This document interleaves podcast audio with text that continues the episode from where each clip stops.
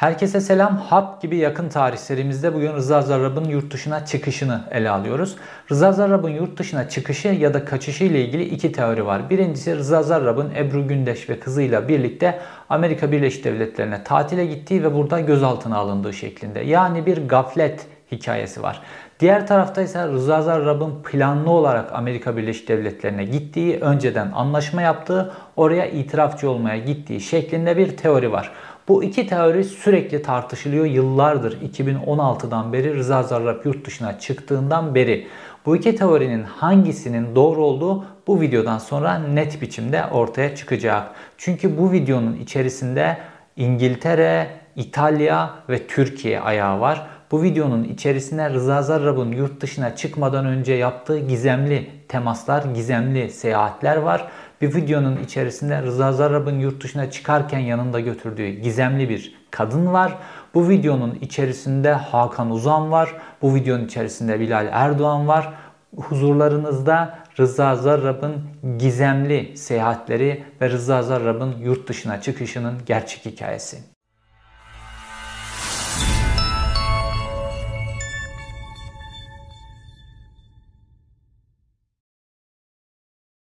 Rıza Zarrab 19 Mart 2016'da Amerika Birleşik Devletleri'nde kara para aklamak, banka dolandırıcılığı ve Amerika Birleşik Devletleri'nin İran'a yönelik ambargosunu dolambaçlı yöntemlerle delmek suçlamasıyla tutuklandığı. Şimdi Rıza Zarrab'ın yurt dışına gidişiyle ilgili bize anlatılan hep bir hikaye var. Medyaya servis edilen bir hikaye var. Ve açıkçası o karışıklık içinde Rıza Zarrab ne söyleyecek, ne olacak filan o karışıklık içerisinde gidiş hikayesine de biz gazeteciler çok odaklanamadık.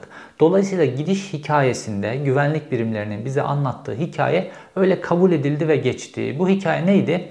Rıza Zarrab TK-77 sefer sayılı Türk Hava Yolları'nın uçağına İstanbul Atatürk Havalimanı'ndan bindi ve Miami'ye gitti. Ailesiyle birlikte doğrudan bu şekilde gitti.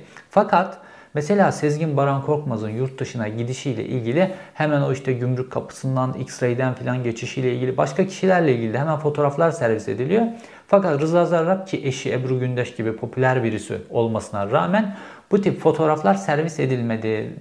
Bu enteresan bir şey. Şimdi sorguluyoruz bunu.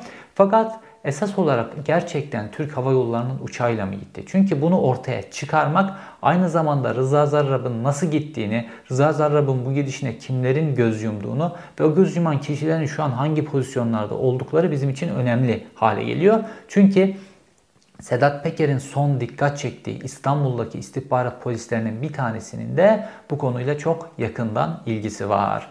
Şimdi gelelim Rıza Zarrab'ın yurt dışına gidişinin bir hafta öncesine. Çünkü bu bir hafta öncesi son derece kritik. Rıza Zarrab'ın özel bir jeti var. Hatta sonradan ikincisini de satın alıyor. Fakat esas kendisinin kullandığı TC RZA kuyruk kodlu bir uçak. Challenger 300 tipi bir uçağı. Bu uçağın aynısından Acun Ilıcalı'nın da, Ilıcalı'nın da var. Birazdan Acun Ilıcalı meselesine de geleceğim bu konuyla ilgili. Şimdi Rıza Zarrab'ın uçağı genel olarak işte Kıbrıs'a gidiyor, bazı Yunan adalarına gidiyor, Dubai'ye gidiyor, Lübnan'a gidiyor. Rotası bu şekilde. Çünkü bu altın maltın işlerini oralardan çeviriyorlar. Rıza Zarrab'ın rotası genel olarak buralar. Tatil için de işte Yunan adalarını, Kıbrıs'ı filan tercih ediyor. Böyle mesela Rıza Zarrab'ın uçağının böyle İngiltere'ye gittiği filan özellikle 17-25 Aralık'tan sonra pek vaki bir durum değil. Dikkat çekici bir şey olur bir Batı ülkesine gitmesi. Çünkü Amerika Birleşik Devletleri'nin İran'a yönelik ambargosunu delmiş bir kişi. Bu işin e, baş aktörlerinden bir tanesi o, bir tanesi de Reza Zencani. Şimdi Rıza Zarrab'ın uçağı bu işte yurt dışına Miami'ye gitmeden bir hafta önce bir uçuş planı düşüyor sisteme.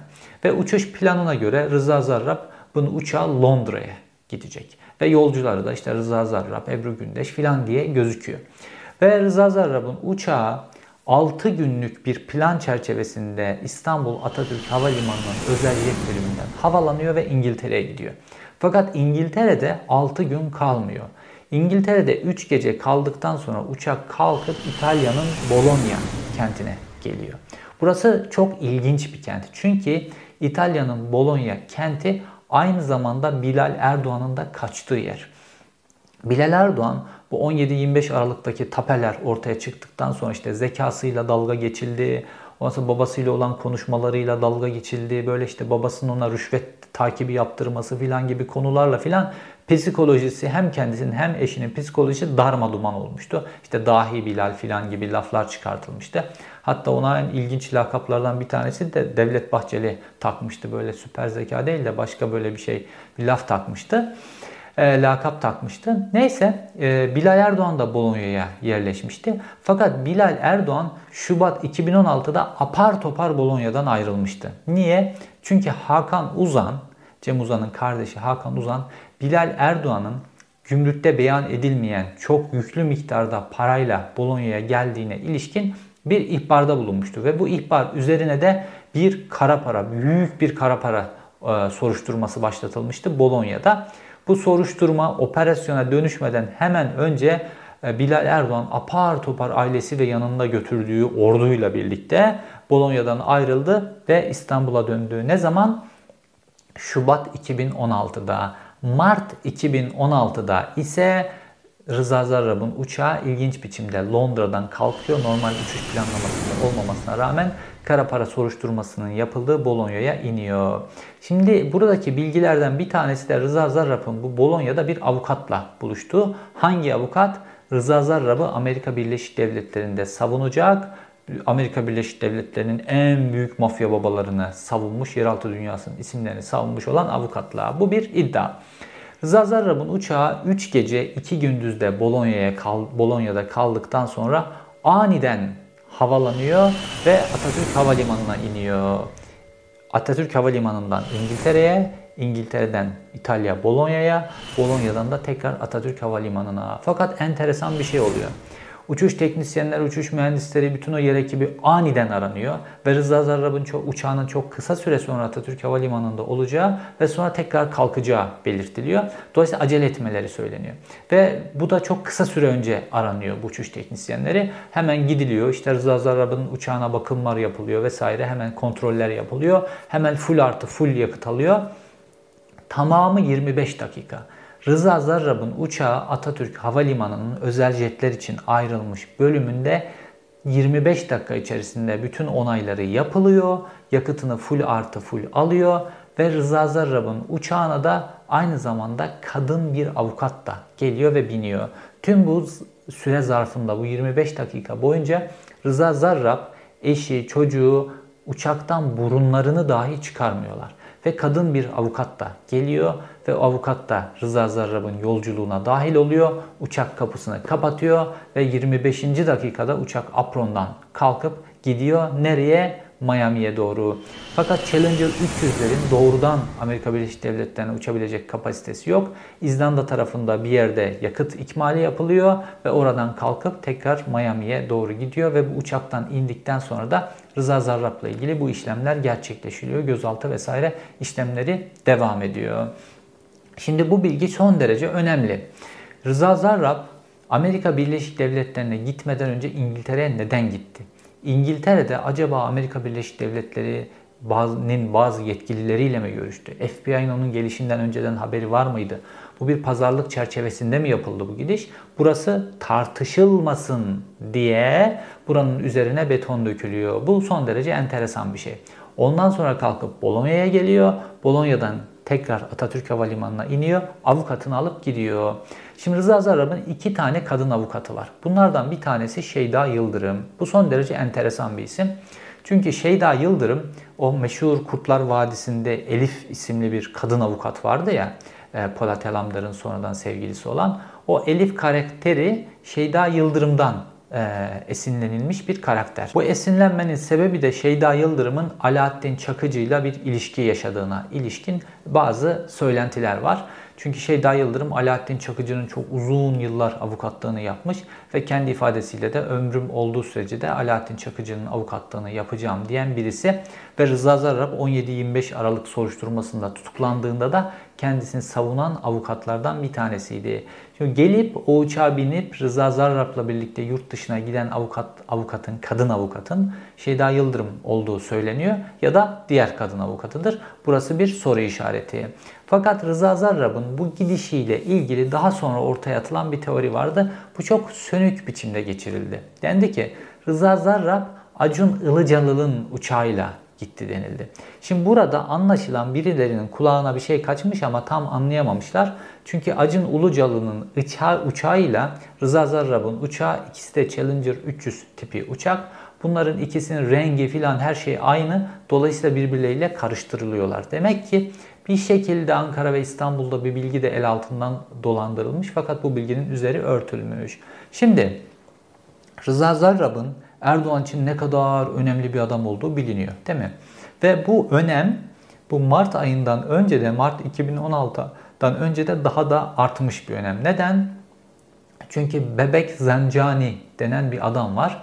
Bu kişi Rıza Zarrab'la birlikte İran ambargosunu delen iki kişi. Bunların ikisi ve bu Bebek Zencani'nin büyük parasında Rıza Zarrab'da olduğu söyleniyor. Ee, İran'da Ahmedi Necat hükümeti devrilip ruhani hükümeti geldikten sonra onlar bu çarkı bozdular. Neden? Amerika Birleşik Devletleri ile nükleer anlaşması imzalandı. Artık bu işlere gerek kalmadı ve devletin bu oligarklar üzerinden bu tip çark e, çevirmesini bozdular ve Bebek Zencani tutuklandı ve idama mahkum edildi. Ne zaman? Rıza Zarrab'ın aniden Türkiye'den Amerika Birleşik Devletleri'ne gitme kararı verdiği den iki ay önce. O iki ayda çok kritik. Çünkü Rıza Zarrab Erdoğan'ın çok sıkışırsa kendisini tıpkı Bebek Zencani gibi İran'a teslim edeceği, dolayısıyla kendisinin de idama mahkum edilebileceği konusunda şüpheler taşıyan birisi. Çünkü Erdoğan hükümetine güvenmiyor. Niye güvenmiyor? Çünkü Erdoğan hükümetiyle rüşvet ilişkisi var. Rüşvet çarkının içerisine girebilecek bir hükümet, ilişkilerini rüşvetle böyle çıkarlarla, para çıkarlarıyla yürütebilecek bir hükümet sıkıştığında, böyle bir rejim sıkıştığında Rıza Zarrab'ı da İran'a teslim etmekten çekinmeyecektir. Dolayısıyla bu kişileri Rıza Zarrab yani çalıştığı siyasileri Rıza Zarrab tanıyor. Ve onun çok meşhur bir lafı vardır. İşte diyor ki fahişeyle memurun bahşişini peşin vereceksin diyor. Rıza Zarrab. Bu çok ünlü laflarından bir tanesidir. 17-25 tapelerinde geçmiş bir laftır. Bunu da bir kendisinin yolunu tıkayan dürüst bir memurla ilgili söylüyor. Niye? Çok yüklü miktarda altın taşıyan bir uçak geliyor Atatürk Havalimanı'na iniyor. Fakat bu uçağı memur Teoman diye bir tane e, dürüst, gümrük görevlisi bu uçaktaki altının ülkeye böyle kaçak biçimde yasa dışı yollarla girmesine taş koyuyor. Ne yapıyorlar olmuyor. Devreye hayati yazıcıyı sokuyorlar, bakan olarak bir sürü siyasi sokuyorlar. Memur Teoman geri adım atmayınca bir türlü bu işi çözemiyorlar. O zaman işte Rıza Zarrab diyor ki işte e, fa, fahişeyle memurun baş, bahşişini peşin vereceksin diyor. Şimdi Rıza Zarrab'ın enteresan şüpheli hareketleri var. İngiltere'ye gidiyor, Bolonya'ya geliyor. İngiltere'ye gidişi bir kere enteresan şüpheli. Hiç gitmediği bir güzergah 17-25 Aralık olmuş. Daha üzerinden yeni 2 yıl geçmiş. İngiltere'ye aniden gidiyor, orada kalıyor, dönüyor. Rıza Zarrab'ın bu aktivitelerinden işte devletin güvenlik birimlerinin falan nasıl haberi olmaz? Erdoğan için de bu kadar kritik bir adam. Erdoğan'ı uluslararası mahkemelerde yargılatacak kadar çok şey bilen, bütün o rüşvet çarkını bilen ki bunların hepsini şimdi Amerika Birleşik Devletleri'nde anlattı. Böyle bir adam. Böyle bir adamı bu güvenlik birimleri nasıl elinden kaçırır? İşte bahşişlerini peşin almışlarsa ellerinden kaçırırlar. Neden? Çünkü bu rejimi Erdoğan inşa etti. Bahşişini peşin alacak, rüşvetçi, memurları, rüşvetçi güvenlik görevlilerini kritik birimlerde görevlendirdi. Çünkü kendi yaptığı yolsuzluklara, kendi yaptığı rüşvete göz yuman kadrolar istiyordu. Buna göz yuman kadrolar sadece aynı şeyleri yapan kadrolar olabilir. Erdoğan bu kadroları kendi eliyle oralara getirdiği için Rıza Zarrab zaten rüşvetin uzmanı. Rıza Zarrab'ın o kadroları satın alması son derece kolay. Dolayısıyla İstanbul'daki özellikle bütün güvenlik birimleri zaten Rıza Zarrab'ı takip etmek değil, Rıza Zarrab'ı korumakla görevli. Ondan bahşişini alan kişiler Dolayısıyla Rıza Zarrab son derece rahat. İngiltere'ye gidiyor, onu yapıyor, bunu yapıyor, geliyor. Avukatını da alıyor. Avukatsız da gitmeyeyim oraya diye. Ondan sonra avukatıyla birlikte oraya gidiyor. Ve Amerika Birleşik Devletleri'ndeki ondan sonraki süreci, tanık koruma programına kadar olan süreci o şekilde inşa ediliyor. Rıza Zarrab'ın jetinin tartıştırılmak istenmemesinin sebeplerinden bir tanesi de bu jetin geçmiş aktiviteleri. TCRZA isimli bu uçağın geçmiş aktivitelerinin içerisinde özellikle AKP'li bakanlar çok önemli yer tutuyor. Çünkü TC Reza'nın özellikle İstanbul, Ankara ardışık uçuşları sürekli üzeri, üzeri kapatılan bir bölüm. Çünkü şöyle uçuşlar gerçekleşiyor orada. İstanbul'dan Rıza Zarrab'ın bu özel jeti kalkıyor. Ankara Esenboğa Havalimanı'na iniyor.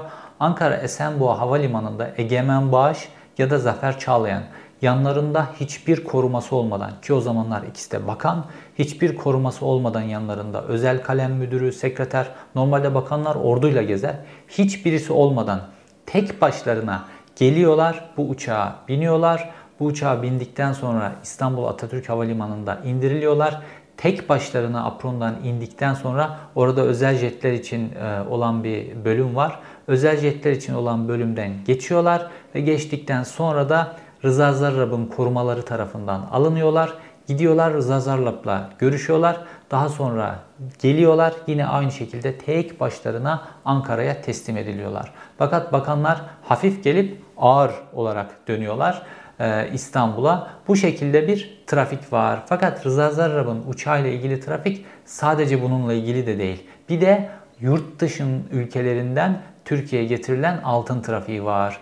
Burada da Rıza Zarrab'ın uçağına göz yuman bazı gümrük görevlileri var. Adem Karahan isimli Rıza Zarrab'ın bir kuryesi var ki bu kurye yaptığı her şeyi mahkemede daha doğrusu savcılık aşamasında itiraf etmişti. Bu kurye sadece 2012 ile 2013 arasında 200 ton altının Türkiye'den kaçırıldığını, Türkiye'den çıkartıldığını söylemişti. 200 ton. Onu bugünkü dolar değeriyle, Türk lirası değeriyle hesaplayın. Ve bunun öncesinde de doğrudan para bu şekilde para çıkardıklarını Türkiye'den söylüyordu Adem Karahan. 2012-2013 yılları içerisinde ise altına odaklandıklarını söylüyordu. Mesela şöyle bir enteresan e, bir anekdot anlatayım bununla ilgili. Rıza Zarrab'ın bu özel uçağı çantalar dolusu altınına geliyor. Altın iniyor. Dediğim gibi küçük sevkiyatları yine bunlar da devasa sevkiyatlar da bu Rıza Zarrab'ın özel uçağıyla yapıyorlar. Büyük sevkiyatları ise daha büyük kargo uçaklarıyla yapıyorlar. Bu kargo şirketlerinin sahiplerine de baktığımızda Tayyip Erdoğan iktidarıyla son derece yakın kişiler, onun döneminde palazlanmış kişiler. Ve neyse Rıza Zarrab'ın uçağından altınlar indiriliyor böyle ağır çantalar halinde. Çantalar getiriliyor işte özel jetler için bulunan bölümdeki gümrüğe. Orada VIP bölüme daha doğrusu getiriliyor. Ve orada şöyle bir hadise var mesela kesin olarak takılmış. Ee, orada Rıza Zarrab'ın adamı kaç kişisiniz diye soruyor o VIP bölümündeki e, kişiye, polise. Polisi 6 kişiyiz diyor. Çantasından 6 tane sıfır iPhone çıkartıp oraya koyuyor. O dönem böyle en yeni model böyle iPhone'dan koyuyor 6 tane. Ondan sonra çantalar X-Ray'den tık tık tık tık tık altın dolu çantalar geçiyor ve Türkiye'ye giriyor. Aynı şekilde de Türkiye'den altın bu şekilde çıkartılıyor. Bu Rıza Zarrab'ın bu uçağının e, sicili bu nedenle konuşturulmamasının sebeplerinden bir tanesi de bu. Çünkü bu uçakla Rıza Zarrab'ın gittiği konuşulursa bu uçağın siciline doğru bakılacak. Bu uçağın siciline doğru da bakıldığında e, ortaya yeni rüşvet ağları, rüşvetle ilgili yeni deliller ortaya çıkacak. Şimdi tüm bunların ortasında Sedat Peker geçtiğimiz günlerde enteresan bir tweet attı ve bir tane polis memurunun ismini doğrudan verdi Süleyman Soylu ile ilgili olarak. Ömer Faruk Ataş İstanbul istihbaratının en kritik isimlerinden bir tanesi. Tayyip Erdoğan tarafından böyle İstanbul istihbaratına daha doğrusu emniyet istihbaratta böyle kazımalar başladığında 2012 yılında 2013 daha doğrusu 2013 yılında Ömer Faruk Ataş İstanbul istihbaratına Tayyip Erdoğan tarafından getirilip yerleştirilmiş ve İstanbul İstihbarat Şube Müdür Yardımcısı yapılmıştı. Yani İstanbul istihbaratının iki numaralı ismi yapılmıştı. Bu isimle ilgili Sedat Peker bazı bilgiler açıklayacak. Bir Ekim 2021'de bu bilgileri açıklayacağını söyledi. Ve Süleyman Soylu'ya dedi ki 1 Ekim 2021'i bekle. Şimdi bu Ömer Faruk Ataş'la ilgili ne açıklayacak Sedat Peker ben merak ediyorum. Çünkü bu Ömer Faruk Ataş daha sonra da işte Rıza Zarrab'ın bu biçimde yurt dışına çıktığı bilgisinin üzerine beton döken, bu bilgiyi karartan kilit isimlerden bir tanesi. Şimdi onun başka muhtemelen rüşvet, başka yolsuzluk gibi ilişkileri ortaya çıkacak. Çünkü dediğim gibi bu tip memur profilini Tayyip Erdoğan getirip devletin o kilit birimlerin özellikle istihbarat, kaçakçılık, organize suçlarla mücadele dairesi, e, TEM dairesi, e, ondan sonra Milli İstihbarat Teşkilatı, jandarmanın kritik pozisyonları hep bu tip kişileri getirdi koydu. Niye? Çünkü Tayyip Erdoğan'ın kendisi yolsuzluklara batmış bir iktidar. Tayyip Erdoğan'ın kendisi pek çok suç işliyor. Bu suçlara göz yumabilecek kişiler ancak bunu menfaat karşılığında yaparlar. Tayyip Erdoğan dolayısıyla kendi menfaat çarkına karşı çıkmayacak, kendi menfaat çarkına taş koymayacak, başka bir menfaat çarkı oluşturdu devletin bu kritik birimlerinde. Onlar da kendi yollarına baktılar. Kendi yollarına bakarken siyasi iktidar onlara dokunmadı, onları korudu. Bu onlar da siyasi iktidarın kendi yoluna bakmasına müsaade ettiler. Fakat ne oldu? Bu kritik birimler bu şekilde dejenere olunca işte daha 20'li yaşlardaki bir tane Rıza Zarrab bütün devletle böyle dalga geçiyor. İngiltere'ye gidiyor, orada görüşmeler yapıyor. İtalya'da görüşmeler yapıyor. Dönüyor, avukatını alıyor. Miami'ye uçuyor. Ondan sonra aa nasıl göz yumduk? Böyle yandaş medyada da bir tartışma vardı ya. Rıza Zarrab bu kadar kritik bir isim işte e, Tayyip Erdoğan'ın aleyhine şahitlik yapılabileceği görüldüğü halde bu isim nasıl böyle koruma altında sürekli takip altında olmaz da nasıl Miami'ye gitmesine göz yumulur, Miami'de tutuklanacağı bu kadar açık filan gibi tartışmalar yapıldı yandaş medyada. Ama bu tartışmaların hepsi boş. Bu kadroları Rıza Zarrab'dan bahşişini peşin alacak kadroları göreve getirirseniz Rıza Zarrab onlara bahşişini verir. Sizden de daha iyi bahşiş verir belki. Dolayısıyla da istediğini yapar. Ankara'da, İstanbul'da farklı birimlerle ilgili de bunlar konuşuluyor. Mesela İstanbul, Ankara'nın kritik mahkemelerine her ay gönderilecek çantalar ve bu çantaların içerisinde bulunacak para miktarları belli. Dolayısıyla bu mahkemelerin hepsini kontrolü altında, bu savcılıkların hepsini kontrolü altında tutuyor Tayyip Erdoğan kilit noktaları. Çünkü Tayyip Erdoğan'ın sistemi menfaat, çıkar üzerine kurulu. Bu nedenle de bu çıkarın bütün parçası olanların hepsinin de aynı suçu işlediklerini düşünüyorum. Aynı suçu işlediklerini sürekli anlatmaya çalışıyorum. Çünkü şu an baktığınızda yargının içerisinden Tayyip Erdoğan'a yönelik hiçbir hamle yapılmadığını görüyoruz. Yani şöyle bir hava estiriliyor. Sanki işte cemaat soruşturmaları başladıktan sonra 2016'da işte 4000'e yakın hakim ve savcı yargıdan temizlendi. Bunlar bir kısmı yarısı tutuklandı, yarısı meslekten ihraç edildi. E, dolayısıyla sonra bütün yargı mensupları AKP'li oldu sanki. Hayır. Şu anki özellikle yaşlı yargı mensuplarının çoğusu AKP'li falan değil. Bunlar AKP'den önce göreve alındılar. AKP iktidarından önce göreve alındılar. Ve çoğu da böyle ideolojik olarak Tayyip Erdoğan'a son derece ters insanlar. Ve bunlar yaşları itibariyle de önemli mahkemelerde görevliler. Fakat bunlar ne hiçbir yolsuzluk soruşturması başlatmıyor Erdoğan rejimine yönelik? Bu kadar yolsuzluklar her şey aleni biçimde anlatılıyor, yazılıyor, sosyal medyaya düşülüyor, insanlar feveran ediyor. Niye hiçbir soruşturma başlamıyor? Öyle bir hava estiriliyor ki her şeyin tek suçlusu Tayyip Erdoğan. Ya suç ortakları yani Tayyip Erdoğan bütün yargı mekanizmasını Türkiye'deki bütün hakimler, savcılar hepsi AKP'li, hepsi İslamcı. Böyle bir şey yok. Türk yargısının içerisinde farklı ideolojilerden hatta Erdoğan'a tamamen karşı hatta kendi içinde muhalif olan pek çok yargıç, hakim, savcı var. Bunlar niye bir şey yapmıyorlar? Ha ne yapar? Yaparsak koltuğumuzu kaybederiz. Yaparsak tutuklanırız. E bu korkulara sahipseniz koltuğunuzu kaybetme, sürülme, başka şehire gönderilme bu korkulara sahipseniz o zaman hakimlik, savcılık falan yapmayacaksanız o zaman gidin kabzımallık yapın, başka bir iş yapın. Bu, bu tip korkularla karşılaşacağınız işler yapmayın. Bu tip e, pozisyonlar kamu adına en cesur olunması gereken pozisyonlardır. Yani ülkede savcılar cesur olmayacaksa hiç kimseden hiçbir şey bekleyemeyiz. Çünkü normal vatandaşlar bir şeyleri değiştiremezler en cesur olmasını beklediğimiz ve bedel ödemeyi de göze alarak bu cesareti göstermesini beklediğimiz kişiler savcılar. Fakat savcılarda ve polisler ve kolluk kuvvetleri, istihbarat birimleri bunlarda böyle bunların hepsi mi AKP'li? Yani bütün devlet kadroları böyle 20 yılda AKP'li mi oldu? Böyle değil. Böyle bir şey yok. Çok sayıda farklı kesimden isimler var. Fakat bunların hepsi de susarak ya da işte bu çanta meselesinden faydalanarak bu rejimin ortağı oluyorlar. Bu suçun da açık biçimde ifşa edilmesi lazım. İşte böyle bir rejimi hep beraber böyle bir bürokratik kadroyu suskunlukla ya da menfaatle oluşturursanız o zaman çıkar 20'li yaşlardaki bir Rıza Zarrab'da bütün Türkiye Cumhuriyeti'nin devletiyle alay edip böyle bu şekilde yurt dışına gider.